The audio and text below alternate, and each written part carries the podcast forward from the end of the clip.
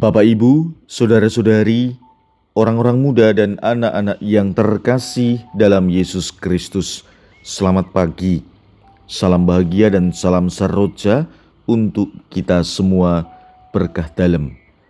Bersama dengan saya, Romo Antonius Garbito Pambuaji, menyampaikan salam dan berkat Allah yang Maha Kuasa dalam nama Bapa dan Putra dan Roh Kudus. Amin. Hari ini Senin 6 Desember dalam hari biasa pekan Advent kedua. Bacaan pertama dalam liturgi hari ini diambil dari kitab Yesaya bab 35 ayat 1 sampai dengan 10. Bacaan Injil diambil dari Injil Lukas bab 5 ayat 17 sampai dengan 26.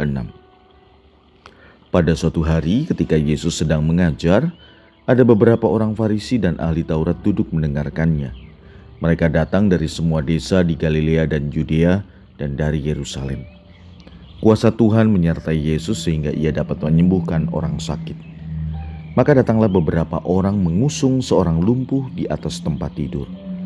Mereka berusaha membawa dia masuk dan meletakkannya di hadapan Yesus. Tetapi karena banyaknya orang di situ, mereka tidak dapat membawa masuk. Maka mereka naik ke atas atap rumah dan membongkar atap itu. Kemudian mereka menurunkan si lumpuh ke tengah-tengah orang banyak tepat di depan Yesus. Ketika Yesus melihat iman mereka berkatalah ia, Hai saudara, dosamu sudah diampuni.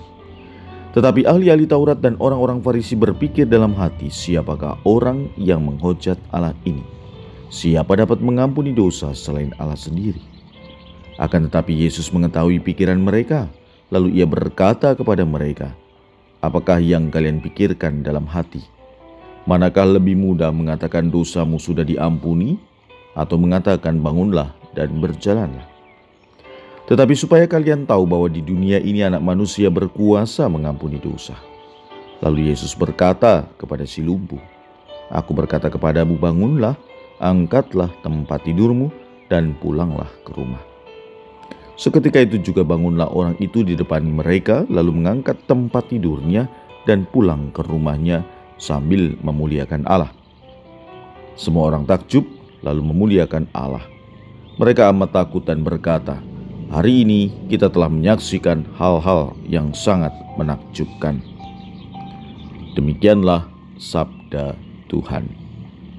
Terpujilah Kristus. Saudara-saudari yang terkasih, sabda Tuhan dalam Injil hari ini memperlihatkan Yesus yang melakukan pekerjaan Bapaknya. Ia mengajar dan banyak orang mendengarnya, termasuk orang-orang Farisi dan ahli-ahli Taurat. Kedua kelompok ini selalu berseberangan dengan Yesus. Kita tahu itu.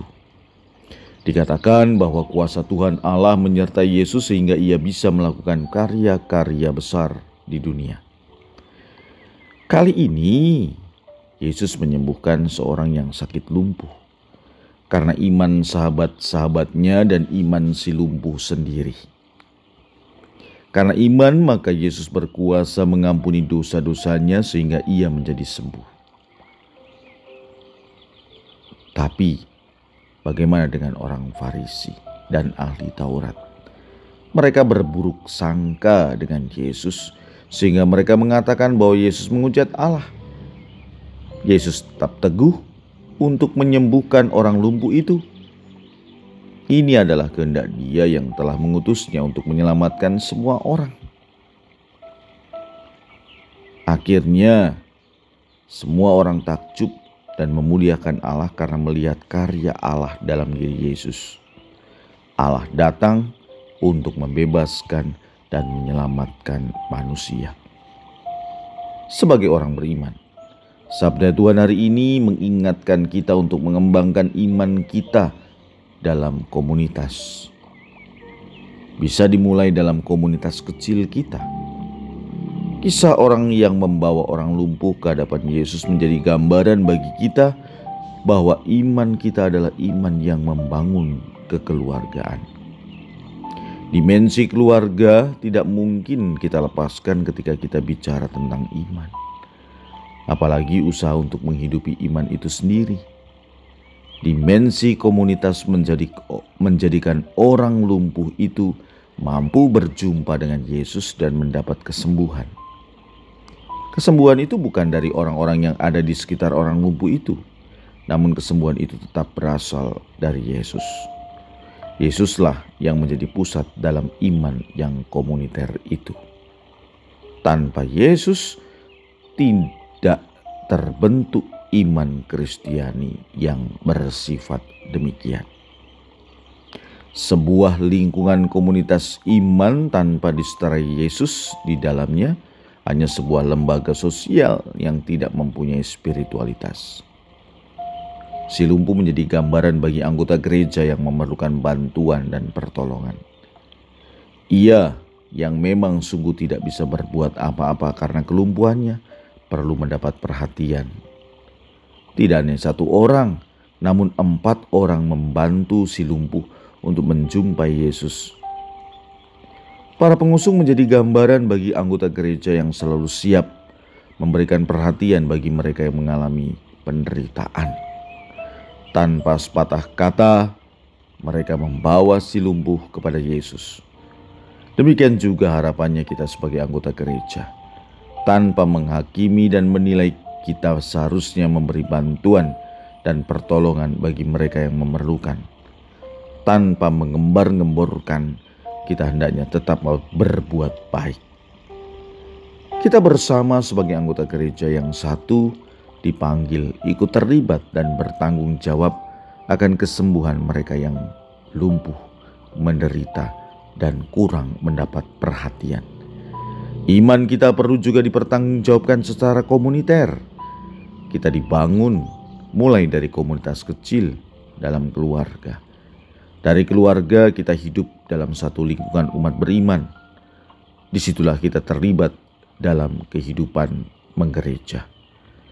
Memberi perhatian kepada anggota satu lingkungan adalah langkah konkret yang bisa tetap dilakukan.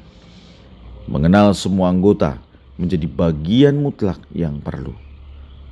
Bahaya besar adalah apabila kita tidak mampu bersosialisasi dengan banyak orang dalam satu komunitas gereja. Jika tidak kenal, bagaimana hendak peduli dan saling memperhatikan. Itulah awal keterpecahan.